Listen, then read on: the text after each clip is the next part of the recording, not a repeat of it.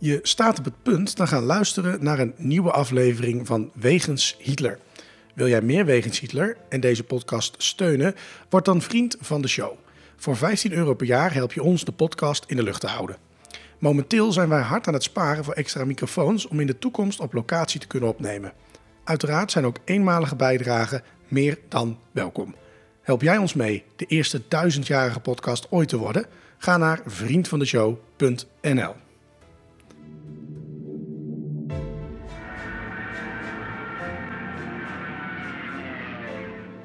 Wegens Hitler. De podcast over Adolf Hitler.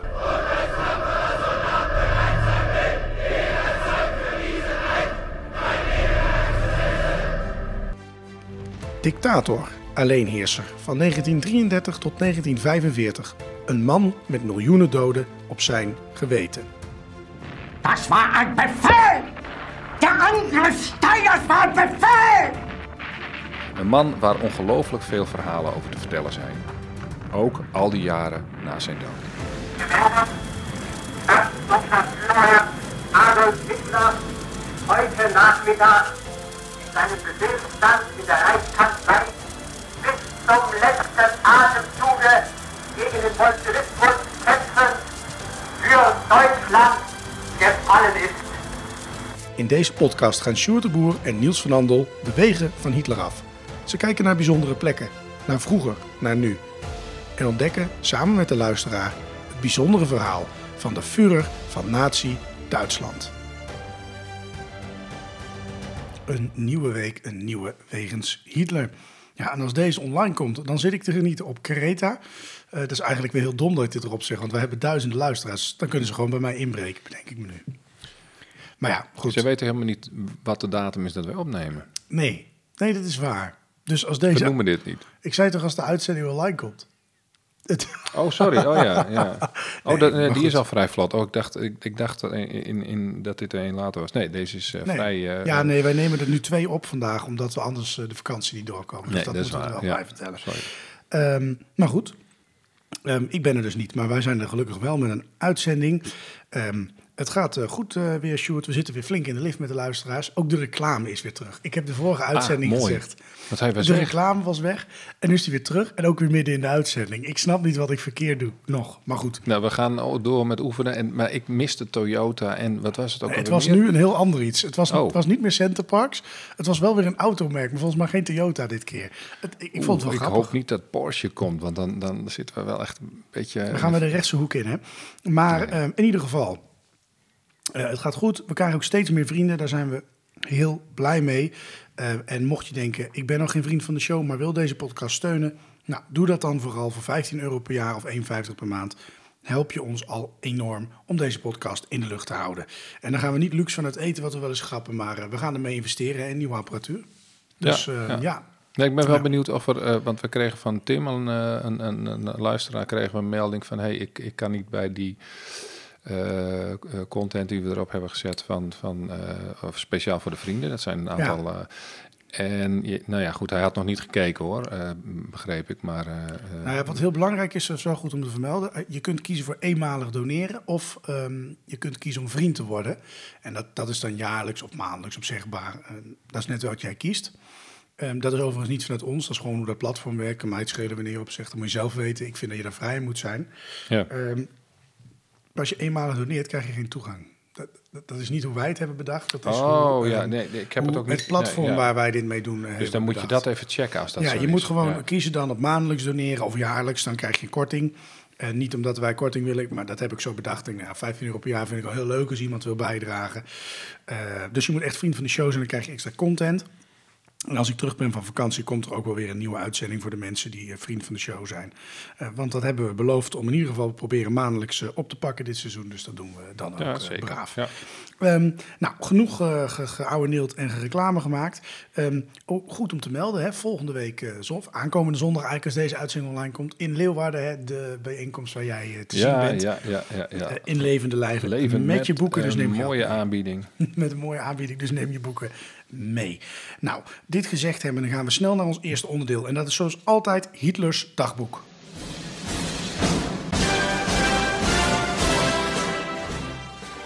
Hitlers dagboek. Het leven van Hitler duurde 20.463 dagen. Wat deed Hitler op deze dagen? Waar bevond hij zich? En vooral waarom?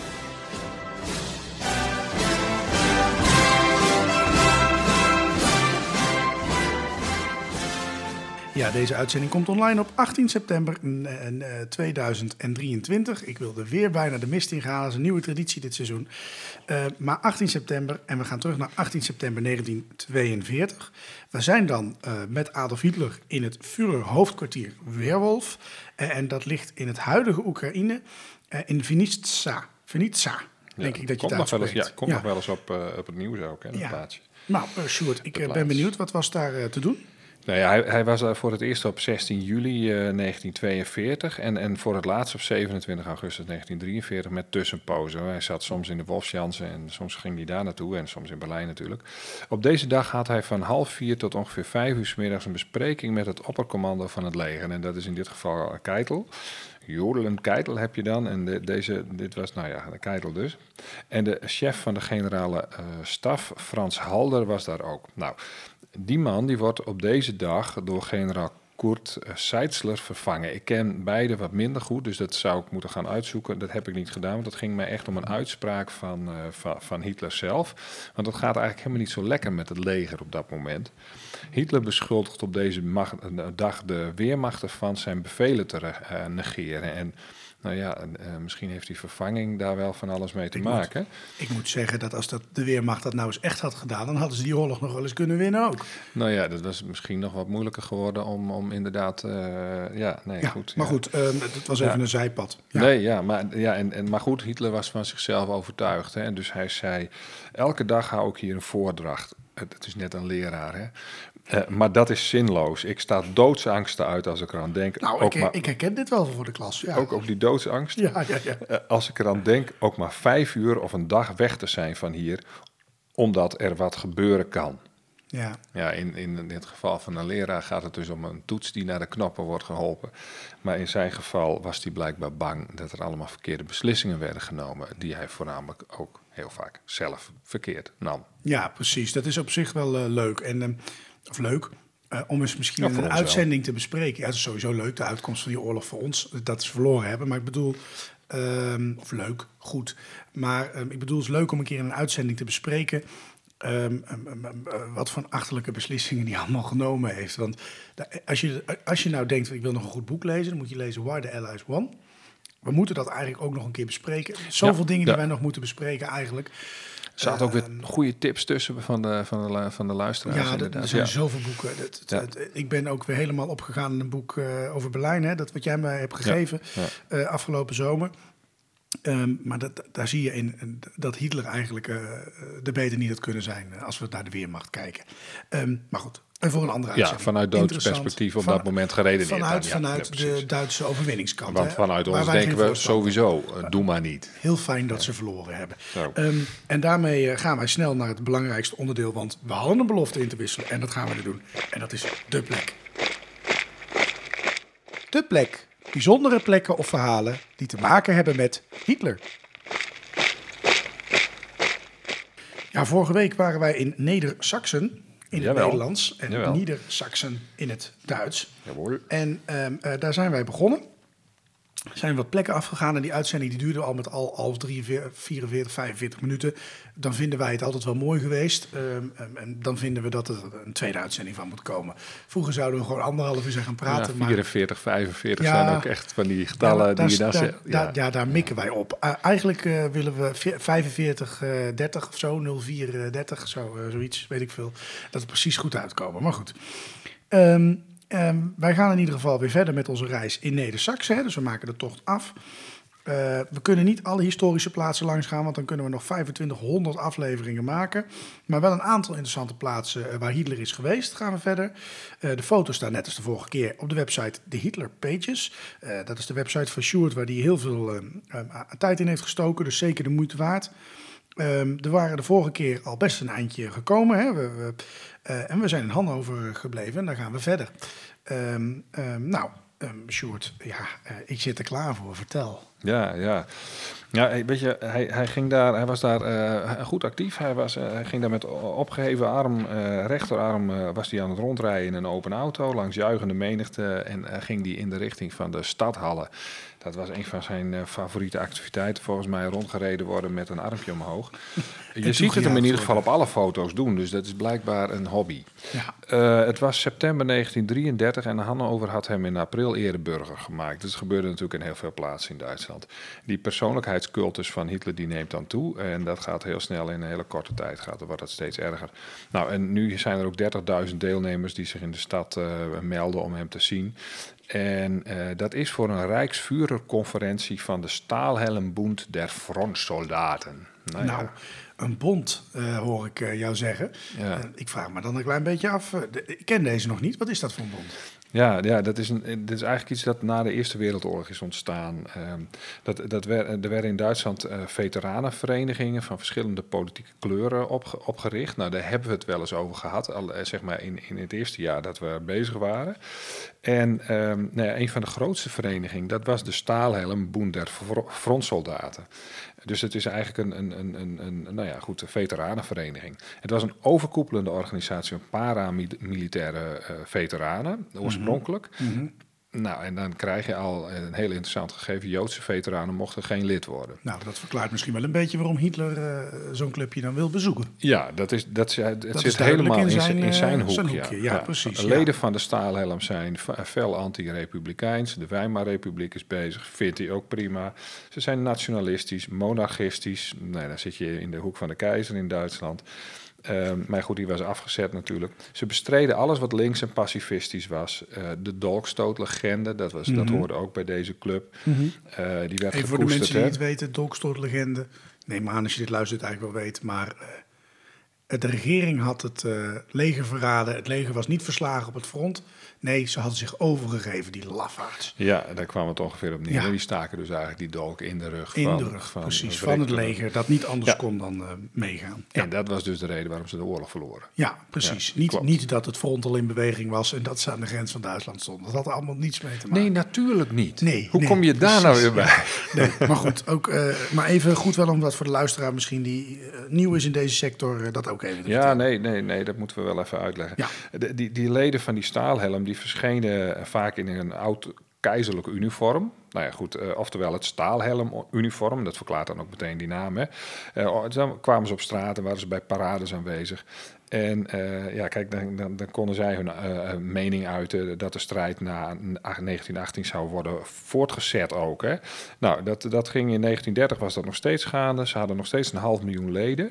En daar zat ook de zonen en de kleinzonen van ex-keizer Willem II zaten daar, zaten daar bij.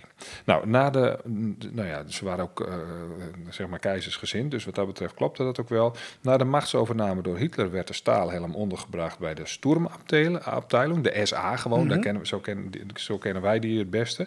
Totdat um, de, de, de staalhelmafdeling in 1935 werd ontbonden. Maar in 1933 was er dus in Hannover nog een manifestatie in die stadhallen. En als je naar de Theodor Huisplatz gaat in die stad, dan vind je die stadhallen nog gewoon staan. Daar heeft Hitler vaker gesproken. Uh, maar goed, ja, die is er nog. Ja, die heeft de oorlog overleefd. Nu kwamen we toevallig in de voorbereiding een boekje tegen hè, met, uh, met goede reistips. Um, dat bestaat over die plek, Hannover. En um, voor de verandering is het ook nog eens een keer verkrijgbaar. Dat is ook wel eens handig. Ja, ja, um, ja. Dus uh, als je er naartoe gaat, uh, kun, je het, uh, kun je het bestellen. Het is wel, dat is wel de maar die ik erbij moet geven, in het Duits. en het gaat over de periode 1933 tot 1945. Um, um, um, en ik zou het heel fijn vinden, Sjoerd, ja. voor mijn eigen gemoedsrust, hè, dat jij het even zegt, want het is in Duits, dus ik uh, ga dat niet doen. Ja, en, en een, Duits, een Duitser zal direct herkennen dat mijn Duits ook niet zo best is, maar ik, ik doe een poging. Uh, dat, is, dat heet de Sachsenross Hakenkreuz Reiseführer durch Hannover und Umgebung en dan 1933 tot 1945. Uh, Matrix Media Verlaag, dat is de, de uitgeverij, het heeft iets van 287 pagina's voor 22 euro. Nou, hartstikke mooi. Als we het er toch over hebben, er is, voor mensen die andere regio's willen bezoeken, is er echt een hele geweldige serie. Als je die nog niet kent, zoek hem even op. Dat is de serie Pastfinder. Uh, niet te verwarren met de Pathfinder. Dat is een heel ander mechanisme. Die wil je niet achter je aan hebben. Maar het, is natuurlijk een, grapje in die, in die hoek. Dat, die hebben op het gebied van Berlijn, München, Obersalzberg... allemaal van die, van die. Allemaal van die, van die reisgidsen. En die zijn heel mooi opgebouwd met kaartjes erbij. En je kunt hem ook in je binnenzak doen. Um, zijn ook in het Engels vaak. Er is zelfs over Amsterdam bestaat inmiddels. Dat is echt een geweldige serie die uh, als je op reis gaat, uh, nou ja, met als doel de Tweede Wereldoorlog of de DDR ook. Er is ook een DDR-variant van, van Berlijn bijvoorbeeld. Kun je online vinden. Dus best, best gaaf. Ja. ja. als je toch gaat, uh, pak zoiets mee. En mocht je trouwens gaan naar bijvoorbeeld de Open Salzberg. Ik heb gehoord van een collega van ons voor mij inmiddels een ex-collega. Je moet wel even opletten of dat bezoekerscentrum open is. Want dat schijnen ze gewoon dicht te gooien midden in de zomer, die idioten. Ja, maar er is van alles gaande, joh. De, de, de, dat, dat hotel Zoom Turken is overgenomen. Daar kun je niet meer de bunker in. En dat, eh, dat centrum, dat wordt weer aangepast. En dat is in principe bijna klaar. Maar dat ze dat dichtgooien in de zomer, dat is echt heel raar. Ja, want juist dan komen er mensen voor, zou ik denken. Maar goed, ja. Um, het is wat het is. Um, we gaan even terug naar Hannover. Uh, daar is ook een interessant monument te zien, hè? het uh, Karl Peters Denkmal. Ja, op de Bertha von Suttnerplatz. Dat is oh, een uh, interessante plek, maar Hitler is er volgens mij nooit geweest. Oh. het is wel een eigenaardig monument dat volgens mij wel eens te, ter sprake is gekomen hier. Maar ja, we, we, zijn nu in Hannover, we gaan daar naartoe. Ik bedoel, dan moet je daar echt gaan kijken, want het is opvallend. Tegen een, zeg maar, een verticale rechthoek, die lijkt op een stuk muur, vliegt het relief van een vogel boven het continent Afrika. En dan heb ik het niet over dat ik, dat ik iets heb zitten roken nu, maar zo ziet, dat, ziet dat monument eruit. Er staat dan tussen de naam uh, Karel Peters en dat is een, een, dat het monument is geplaatst door de nazi's in 1935. Het ziet er tegenwoordig iets anders uit, want er staat namelijk een tekst op die er eerder niet stond en ik heb hem wel vertaald nu. Uh, dit monument stond voor de verheerlijking van kolonialisme kolonialisatie. Sorry, het staat hier net anders, maar ik lees het verkeerd op. Maar het is nu een waarschuwing om ons in te zetten voor gelijkberechtiging van alle mensen, volken en rassen. En dat werd er pas in, en dat is opvallend, pas in 1988 bijgeplaatst. Uh, dat was schokkend laat. Um, al maakte redacteur Martin Gruber van de socialistische krant de Münchener Post zich al enorm druk om de misdaden van deze Peters. Uh, hij vroeg zich af of deze lafaard en seksmoordenaar eigenlijk wel goed bij zijn hoofd was. Want die Karel Peters, dat was uh, ja, niet zomaar een of andere gast. Hij had, een, hij had een, een, jongen die had ingebroken in een tent. In, in, in, in daar waar hij, hij zeg maar, uh, in het mm buitenland de grote heerser was, mm -hmm. daar had hij ingebroken. die, die jongen had daar ingebroken. En daar was hij net seks aan het hebben met een donkere slavin. En nou ja, die jongen heeft hij direct laten vermoorden. Nou, en dat misbruikte meisje, dat, uh, werd dan, dat, dat dacht een paar maanden later, misschien had het wel te maken ook met die jongen, of die jongen wilde haar misschien wel redden, ik weet het niet precies. Die probeerde ook te vluchten en hij hing haar ook op. Nou, uh, Peters die dacht gewoon dat hij het recht had om zwarte Afrikanen te onderdrukken. En uh, nou goed, zo ging dat. Uh, hij werd wel oneervol ontslagen in 1897. Zo, zelfs toen uh, moreel. Ja, ja. ja, maar Wilhelm II, die meneer die hier verderop woonde, later, die rehabiliteerde hem al in, voor een deel in 1905. En toen dacht Hitler van nou, dat maak ik even definitief in 1937. dat deed hij niet ter plekke, niet bij dat monument tenminste, maar toch, dat monument kwam daar ook. En het is dus een monument met een heel donker verhaal. En nu is het een waarschuwing. Dus ik vind het eigenlijk wel heel mooi dat het er nog staat, dat je het kan zien. Mhm. Eh, dat dat tot 1988 heeft geduurd. Nou ja, daar hebben we ons wel vaker over verbaasd. Je bent geen warm voorstander van de standbeelden weghalen, begrijp ik. Uh, nou, weet je, je hoeft niet alles te laten staan en je, je mag ook dingen teruggeven. En ik, ik, ik, sta er open in, maar ik vind dit wel werken. Want ik wil dit wel zien. Ja. Van dit is hier gebeurd en dat is wel onze geschiedenis. En, en nou, wij denken daar nu anders over. En dat is, dat is prima. Dat is juist heel goed om te laten zien, denk ik.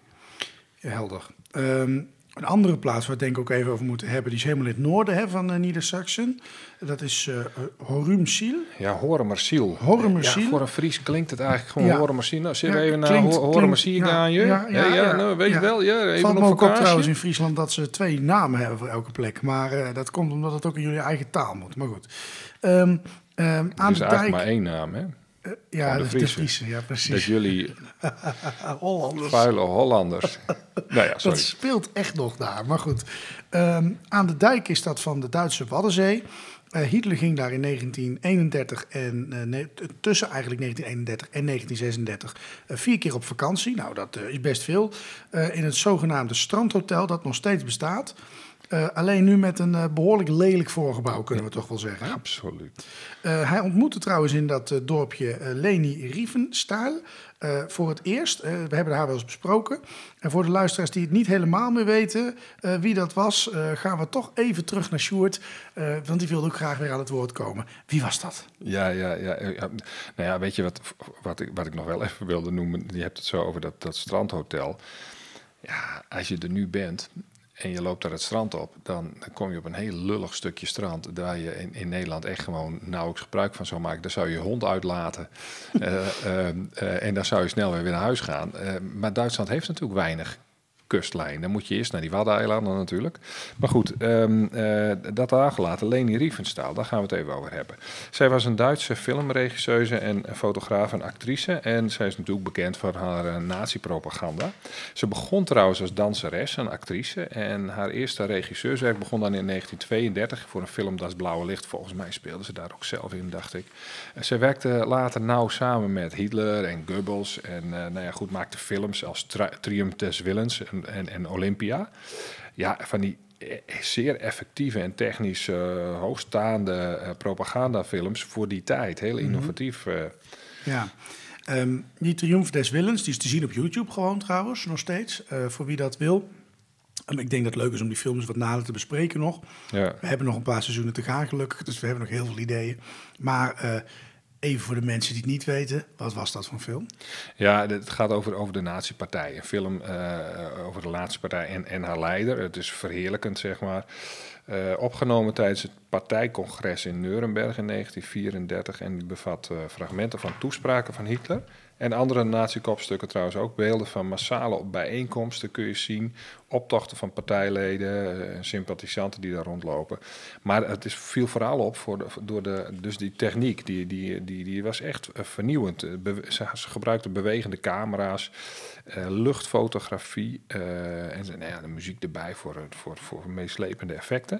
En dat werd wel beschouwd als een van de meest invloedrijke eh, propagandafilms ooit gemaakt. En natuurlijk is dat controversieel tegenwoordig, maar het, dat, dat, was toen wel zo, blijkbaar. Ja, nou moet je ook wel zeggen, daarna was het natuurlijk allemaal niet zo. Hè? Het is daar nog wel eens kritisch over ondervraagd. En nee, nee, nee, nee, nee, dat heb ik niet gedaan. Nee, nee, dat is... Dat, nou, Zij was ja. daar niet, eh, daarna niet meer Nee, over te bellen, zou ik nee, maar nee, ja, ja, je moet voor de aardigheid moet je de biografie van haar maar eens lezen. Dat is, ehm, daar staat meer van dat soort... eh, maar dat Onzin. vind je te, eh, meer terug hoor, in biografieën. Ja. goed. Ehm, even die andere film, Olympia. Ehm, nou ja, de naam zegt het volgens mij al. De Olympische Spelen. Ja, eh, gewoon, ja, dat is goed. Ja, dat, dat, dat zal dan wel, hè? Ja. We kunnen ook een totaal ander verhaal ophangen natuurlijk. Dat we even eh, alles bij En, elkaar en dan leggen. kijken of iemand het door heeft. Ja, dat was nog een kookcursus kan of zo. best wel een heel verhaal. eh. Ja, Olympia, ja. Nou, kookcursus, dat zou voor sommige mensen goed. Nou, eh, Nee, we gaan laten we het hebben over de Spelen Olympische 1936. dat kan de- niet ja, anders. nou, die werd vastgelegd in, in haar film Olympia. Ehm, eh, het- bestond uit twee delen. Fest der Volker, het feest van de volkeren. En uh, Fest der Schönheid, het feest van de schoonheid, kwam ze vooral zelf alleen in beeld.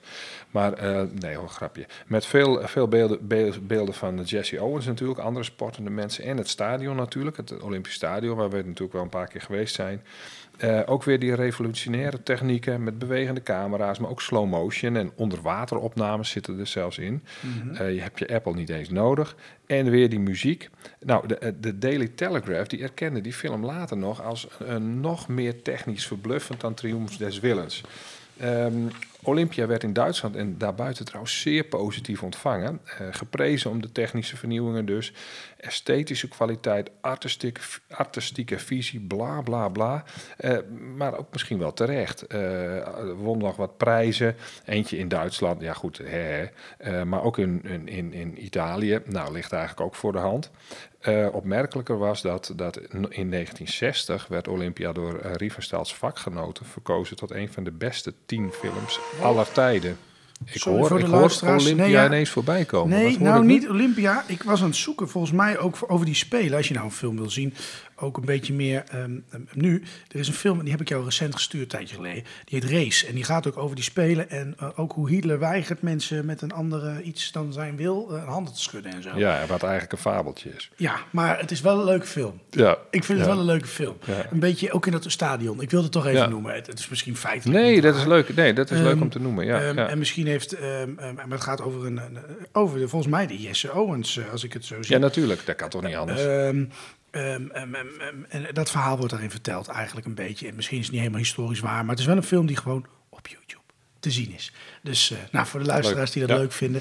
eh, Vandaar dat, eh, dat geluidje, dat was omdat ik de link aanklikte. Ja, maar het paste wel mooi. Het paste ja, het wel paste mooi. mooi. hè? dat was gepland. Sorry dat ik je onderbrak in je verhaal.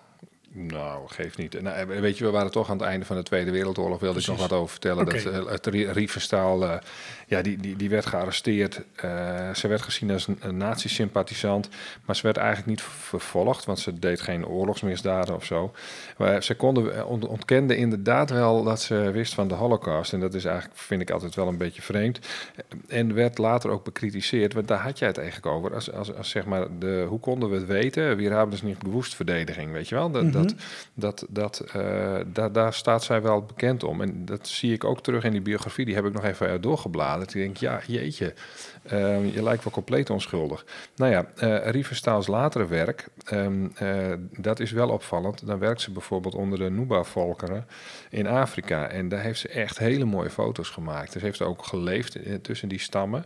En dan lijkt het ook alsof er helemaal geen sprake is van, van, van racisme. Misschien heeft ze dat afgeleerd, misschien heeft ze dat nooit gehad, ik weet het niet. Maar het zijn echt prachtige foto's. Eh, nou ja, en je hebt dus die biografie van haar, die is wel oud. Maar ik vind hem nog steeds boeiend, maar je moet een beetje uitkijken. Want ze komt natuurlijk zelf aan het woord. En ja, je veegt alles een beetje aan de kant, hè? Uiteraard. Ehm, deze mevrouw, waar we nu best veel over verteld hebben, toch stiekem, eh, die zou Hitler dus hebben ontmoet in dat Hor-. Hormerenziel. Zo'n Zo. Hormersiel. Hormerenziel. Ja, nou Ja. hier. Ja, nou, ja, dus dat is eigenlijk, ehm, we zijn, het is een beetje een lang verhaal en dan komen we toch weer terug in dat, in dat dorpie.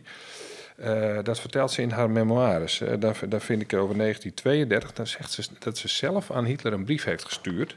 Ja. ehm, nadat ze hem had zien spreken in Berlijn. Nou, dat kan niet, kan niet anders gaan dat dat een stevige toespraak was natuurlijk.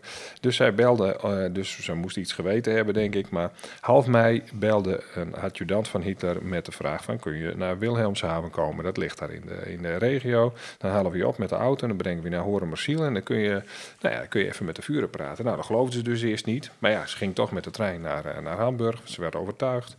En nou ja, dan, dan, dan, dan, dan, dan neemt ze dus, nou ja, goed, wat we al zeiden, wel afstand van, van Hitler. Maar ze ging daar dus nu wel, wel naartoe.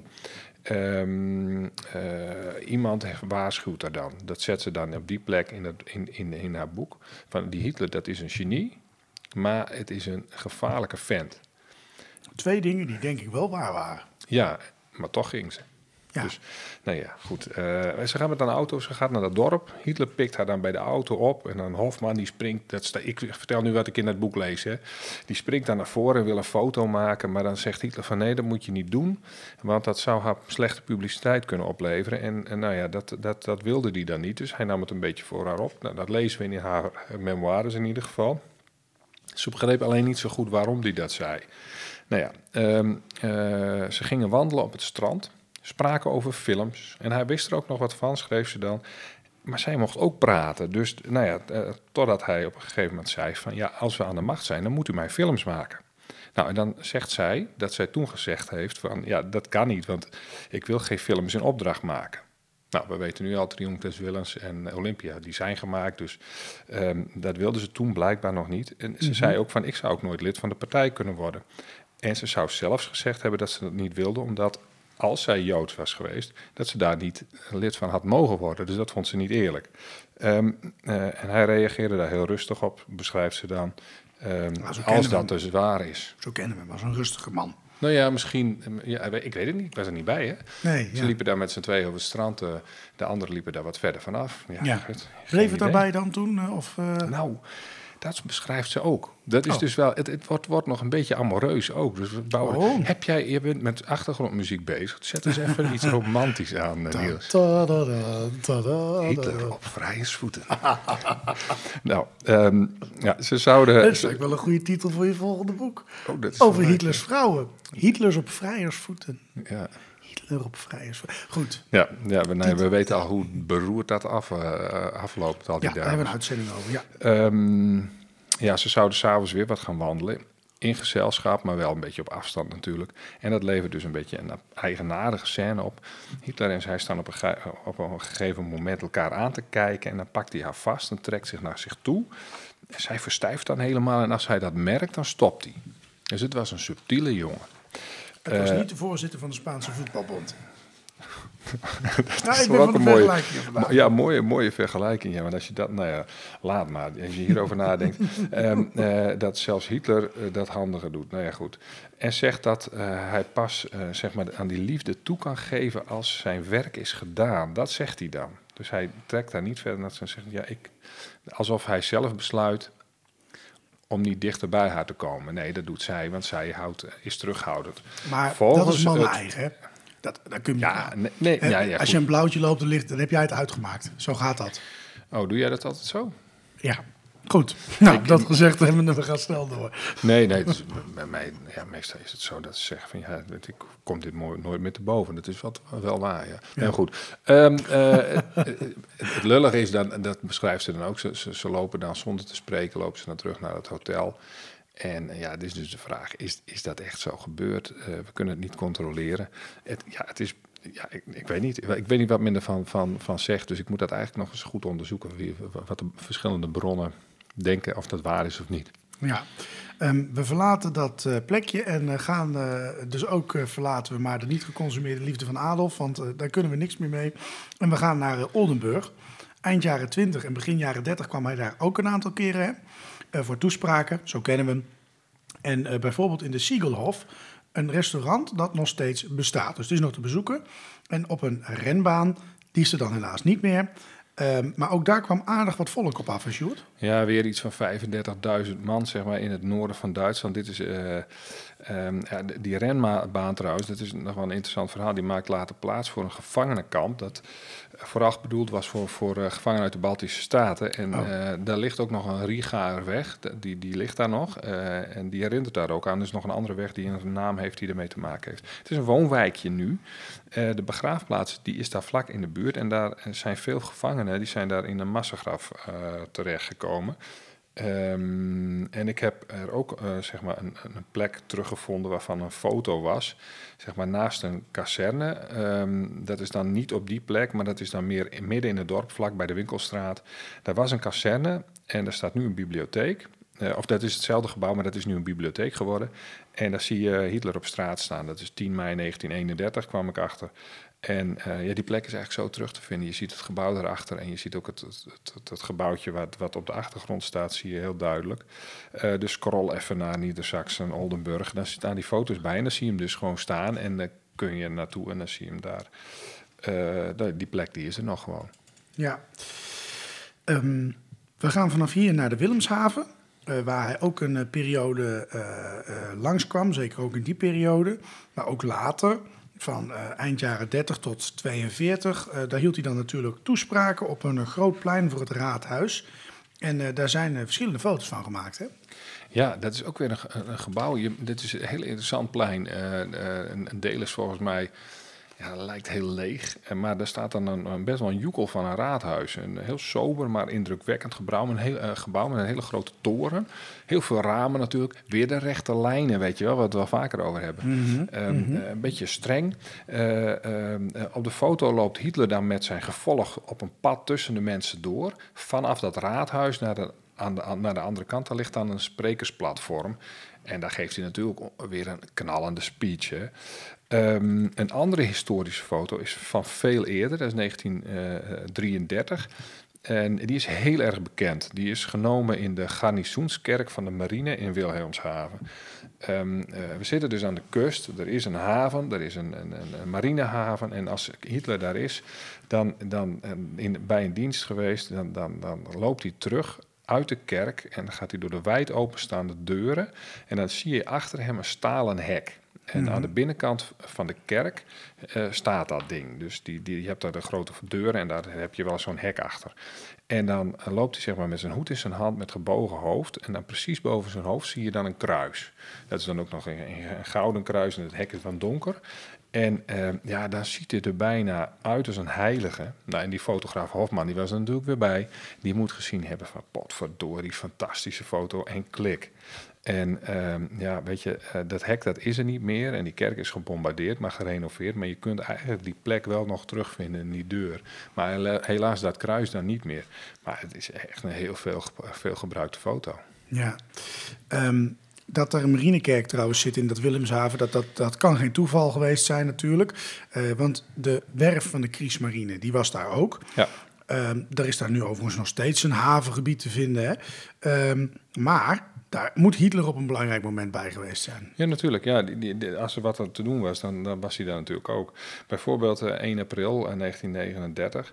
eh, de Tirpitz werd dan te, te water gelaten. En dat was samen met het, het schip de Bismarck... was het grootste marineschip dat de Duitsers hadden. Nou ja, daar heb je natuurlijk een hele stoot foto's van, van die gebeurtenis. Ja. Ehm, maar er ging ook wel eens iets mis. Hè? Ehm, ehm, bijvoorbeeld met het eh, gevechtsschip de Deutschland. Die werd in mei 1937 eh, aangevallen. Tijdens de Spaanse burgeroorlog, waarbij Duitsland aan de kant van Franco stond, ook een fascist, dus dat kon niet anders. Daarbij kwamen maar liefst 32 man om. Eh, in eerste instantie werden zij begraven op eh, Gibraltar. Eh, anderhalf maand later werden zij als, ze al begraven op het eh, Ehrenfriedhof in Wilhelmshaven. En ook daarbij was Hitler aanwezig. En de gedenkplek op de begraafplaats voor de Tirpitz is er nog steeds. En ook die kun je bezoeken. En ehm, ja, hiermee komen we eh, aan het eind van onze tocht door Neder-Saxen. Of Nieder-Saxen, als je het in Duits wil zeggen. En verderop in het jaar doen we misschien nog een keer een andere Duitse deelstaat. Want we hebben er nog heel wat te doen. Eh, en we dagen ook zeker de luisteraar uit. Eerst maar eens in Nieder-Saxen rond te gaan rijden. En eh, rond te gaan kijken, vooral.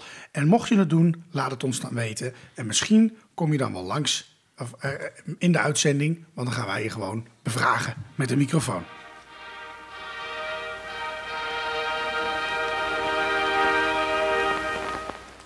Het Nazi-journaal. Bijna dagelijks is er nog wel iets te vinden over Hitler. Hij is in het nieuws, er is een stuk in de krant, een tweet, een interview of een nieuw boek. We bespreken het in het Nazi-journaal.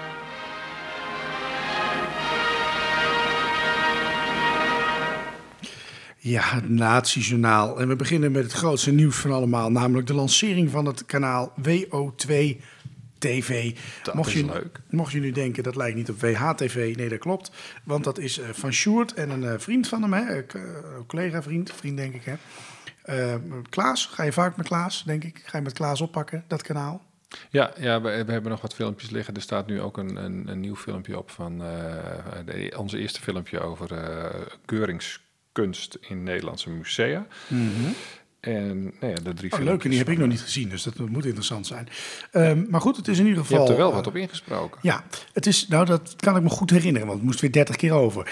Ehm, ehm, Ja, maar jij, goed. jij met je bronstige voice-over, hè? Ja, dat is, de- ja, die dat is voor Sjoerd altijd heel leuk, luisteraars. Want ik zet dan op een gegeven moment tussendoor... eh, zit ik eh, allemaal geluidsoefeningen te doen... omdat het me irriteert dat het al 17 keer fout gegaan is. Geloof me, dat wilt u niet weten. Dat wilt u niet weten. Maar eventjes een dingetje. Eh, Er zijn al drie filmpjes over de jeugd, eh, de jeugd, de jeugd van Hitler. In en om Lins. Eh Sjoerd de Boer die zit daar dus in. Klaas van der Wal. En eh, ja, eh, ik ben de voice-over, want dat, dat is mijn taak. Ehm, en nu dus ook een deel 1 van de boeiende serie over roofkunst. Nou, dus zeker de moeite waard. Ik moet dus ook nog kijken, maar ik heb heel veel er al over gehoord van Sjoerd.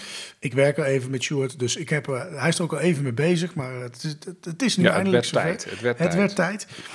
En binnenkort deel 2. Je kunt je dus abonneren en dan krijg je een waarschuwing als er een nieuw filmpje op staat. Nou, hartstikke leuk. Ja, jij noemde het al. Hè? Eh, ook even ter herinnering de Friese Militaria-buurs. eh, op het Kalverdijkje 73 te Leeuwarden bij de Schietsportvereniging De Vrijheid. Ik hoop dat ik er eh, zonder kleerscheuren vanaf kom. Eh, half tien 's ochtends tot twee uur 's middags. militaire goederen, uniformen, helmen en zo. Ik ben er en ehm, ja, mijn boeken en, en met een leuke aanbieding, denk ik.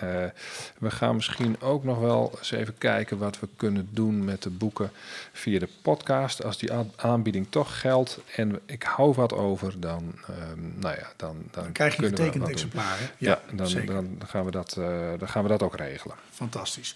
Ehm, het volgende onderwerp is ook denk ik wel interessant. Ehm, dat is namelijk eh, iemand die gepromoveerd is op het onderzoek eh, naar de medewerking van Nederlanders tijdens de Tweede Wereldoorlog, het bijzonder de ambtenarij. Wat blijkt nou? Tijdens de Tweede Wereldoorlog, hè, dat weten we allemaal, eh, het parlement werd naar huis gestuurd en de Duitse bezetter installeert een burgerlijk bestuur in Nederland. We werden dus geen onderdeel van het Rijk, maar een land binnen, ja, wel onderdeel van het Rijk, maar een zelfstandig land binnen dat Rijk. Eh, Rijkscommissaris Sijs Inkwart die had daar de rol van staatshoofd, ministerraad en het parlement. Dat is makkelijk, daar hoef je weinig te overleggen. Eh, maar dat deed hij niet alleen, want in je eentje een heel land is een beetje veel werk. Hij had zogenaamde toezichthouders bij zich eh, en die werden naar de ministeries gestuurd. Ehm, en ehm, ehm, de Nederlandse ambtenaren die werden de nieuwe wetgevers als het ware, eh, samen met hun dus. Hè. De samenwerking tussen de Nederlandse ambtelijke apparaat en de nieuwe Duitse machthebber die was hecht en daarmee controversieel. Nu hebben we het hier al eens uitgebreider over gehad, over welke maatregelen dan ingevoerd werden. En dat die ambtenaren eigenlijk best wel blij waren met die Duitsers, bestuurlijk gezien. Ehm, ik Ja, denk ja niet, dat heb ehm, je toen duidelijk uitgelegd. en ja. dat was niet Ja. zozeer, denk ik, om de Joodse maatregelen. Ik moet eerlijk zeggen, ik ken dit onderzoek niet van detail.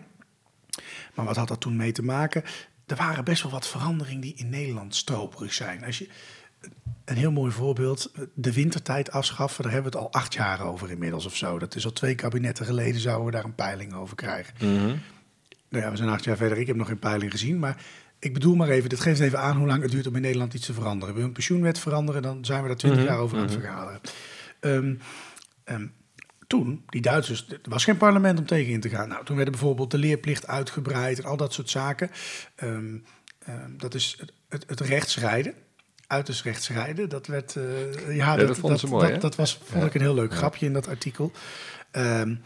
Al dat soort zaken werden geregeld door de Duitsers. Ze hebben niet alleen maar slechte dingen ingevoerd in Nederland. Even duidelijkheid, ook heel veel slechte dingen, maar ook geen Ja, goede dingen. ja. Er zijn ook dingen van gebleven. Nou, interessant onderzoek dus van Gert-Jan van Zetten.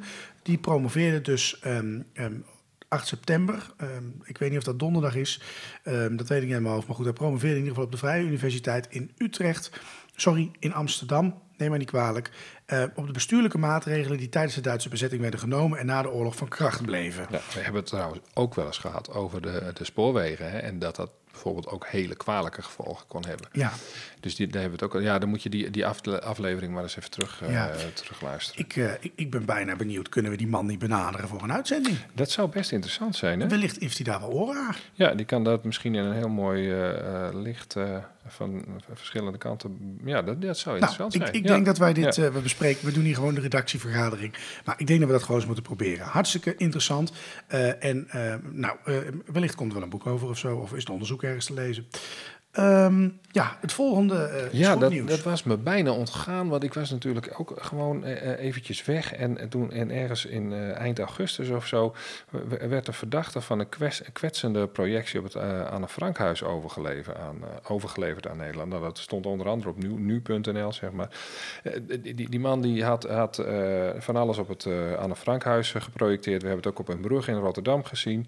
En die is nu overgeleverd. En dat is eh, die- ja, een Pool en een Canadees tegelijkertijd. Nou, dat zal allemaal wel. Hij werd in ieder geval in Polen gearresteerd.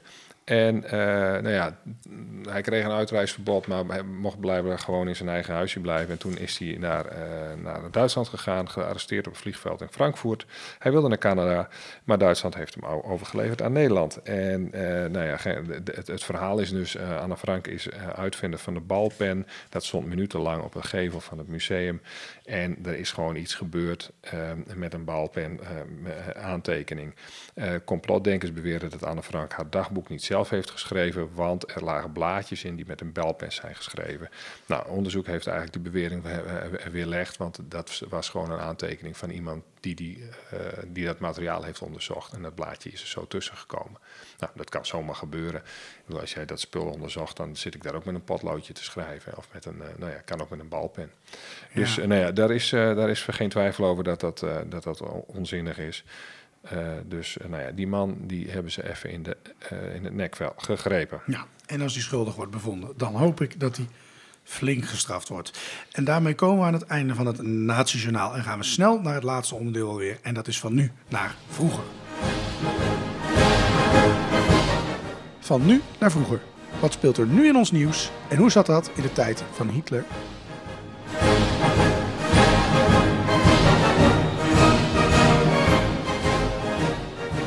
Ik denk dat we het allemaal wel hebben kunnen volgen het afgelopen weekend. Vorig weekend inmiddels alweer. Mm -hmm. uh, als dit online komt. Uh, snelwegen, bezet, protesten, waterkanonnen. Hele nieuwsberichten over kinderen die aangemeld worden beveiligd thuis. Omdat hun ouders hebben meegenomen. Uh, nou, kun je van alles van vinden, maar uh, in ieder geval verboden demonstratie. Ja, en toen moest ik toch een beetje denken dat protesteren, hè, deden ze dat nou ook een beetje in het Derde Rijk? Want uh, ja, hier kan dat. Maar uh, daar moet het toch bijna onmogelijk geweest zijn. Ja, ja, nou ja, dat is dus interessant. Hè? Er valt heel veel over te zeggen, want ik heb, ik heb even wat materiaal verzameld. Mm -hmm. En uh, uh, ik denk dat het goed is om er sowieso een keer een, een, een, de plek aan te, aan te wijden. Dat zou dan wel over verschillende plekken gaan. Ja, maar dat, maar, hebben, dat hebben we een kwartier geleden ook gedaan, dus dat kan. Dat kan, ja, daarom. Dus is dat, onze podcast. Ja, ja, we bepalen zelf. Als we morgen over voetbal gaan praten, gaan we over voetbal praten. Ja, de, anders noemen we hem gewoon de aanslag. ja. Of zo, weet ik veel wat. En daar zit, nou ja, in ieder geval, uh, meteen vanaf 1933 wordt het al, al stevig aangepakt. Hè. Dan, dan, dan uh, uh, zeg maar tot 1935 zijn er al 60.000 communisten opgepakt. 2000 vermoord door de SA. En daarna moesten bijvoorbeeld die communisten moesten in het geheim gaan opereren en vergaderen. En dan is er een groep communisten zonder een naam, die deelt dan pamfletten uit, saboteert wat, tot in 1944 de Gestapo een van die mannen oppakt. En dan worden er toch nog 280 leden gearresteerd. Nou, dat, dat is een voorbeeld van wat ik dan tegenkwam aan, aan, aan een protest. Nou ja, communistische protesten, uh, die kwamen vaker voor. Ja, um, dan hebben we het over protesten onder het volk. Mm -hmm.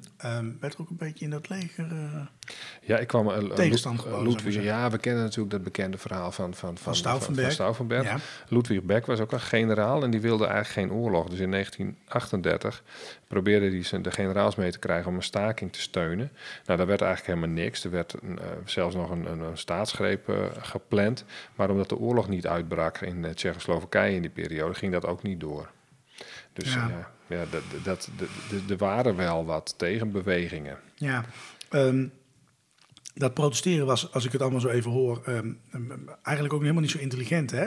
Um, heb je misschien nog een voorbeeld van iets waar, waarom het niet zo slim was om te doen? Nee, er, er is sprake geweest van een of andere studiegroep. Dus zelfs dat was gevaarlijk. Hè? Uh, ik zag toevallig op het, op, het journaal een paar, of nee, een documentaire denk ik dat het was, over jongeren uh, in, uh, in Rusland die met elkaar samenkwamen en dan praten over, over Poetin en wat ze daar nou van vonden. En die, die, er was een meisje die vertelde dat. Die zei, we zitten eigenlijk los van elkaar op onze, op onze slaapkamertjes. En daar vinden we er wel wat van. Maar als je hier samen bent, dan, dan kom je erachter... er zijn veel mensen die moeite hebben met deze oorlog en met deze... En dat vond ik heel dapper. Die, die studiegroepen in, in Rusland, die zijn er dus. En soms dan is er een infiltrant en dan is hij natuurlijk zo opgerold. Maar ze bestonden nog wel. Nou, in Duitsland was dat sowieso ook gevaarlijk. Um, en je had bijvoorbeeld een graaf en die, die sprak daar met anderen over wat er uh, na de val van de naties zou moeten gebeuren. En um, ja, uh, daar ontstond een hele groep omheen, maar over acties werd men het eigenlijk niet eens. En men sprak wel bijvoorbeeld over federaal Europa, met Duitsland slechts als lidstaat. Nou ja, dat, dat moest. Ja, en, maar goed, dat wilde de Gestapo natuurlijk niks van horen, hè, nee. dat soort gedoe. Dus die pakte een deel van die leden op en execu executeerde ze gewoon. Ja, en uh, ja, we kunnen dan wel de conclusie trekken dat uh, protest in Nazi-Duitsland eh, moeilijk was. Dat, dat snappen we denk ik ook allemaal wel. Ja. En dit zijn eigenlijk maar een paar voorbeelden van mensen die het in ieder geval wel hebben geprobeerd. En zich Ja. weigerden neer te leggen bij ehm, ehm, een dictator die eh, hun land gewoon eh, de vernieling in jaagde. Ehm, er is veel meer geprotesteerd en eigenlijk verdienen de mensen die dat gedaan hebben een aparte aflevering om daar wat meer over te vertellen. En zo eindigen we deze uitzending waarin we veel interessants hebben besproken, veel plekken hebben bezocht. En misschien het belangrijkste van allemaal, of je het er nou mee eens bent of niet, voor klimaat of tegen, voor de boeren of tegen, of voor lagere belastingen of niet. Het is in ieder geval fijn dat wij in een land leven waar vrij protesteren gewoon mag.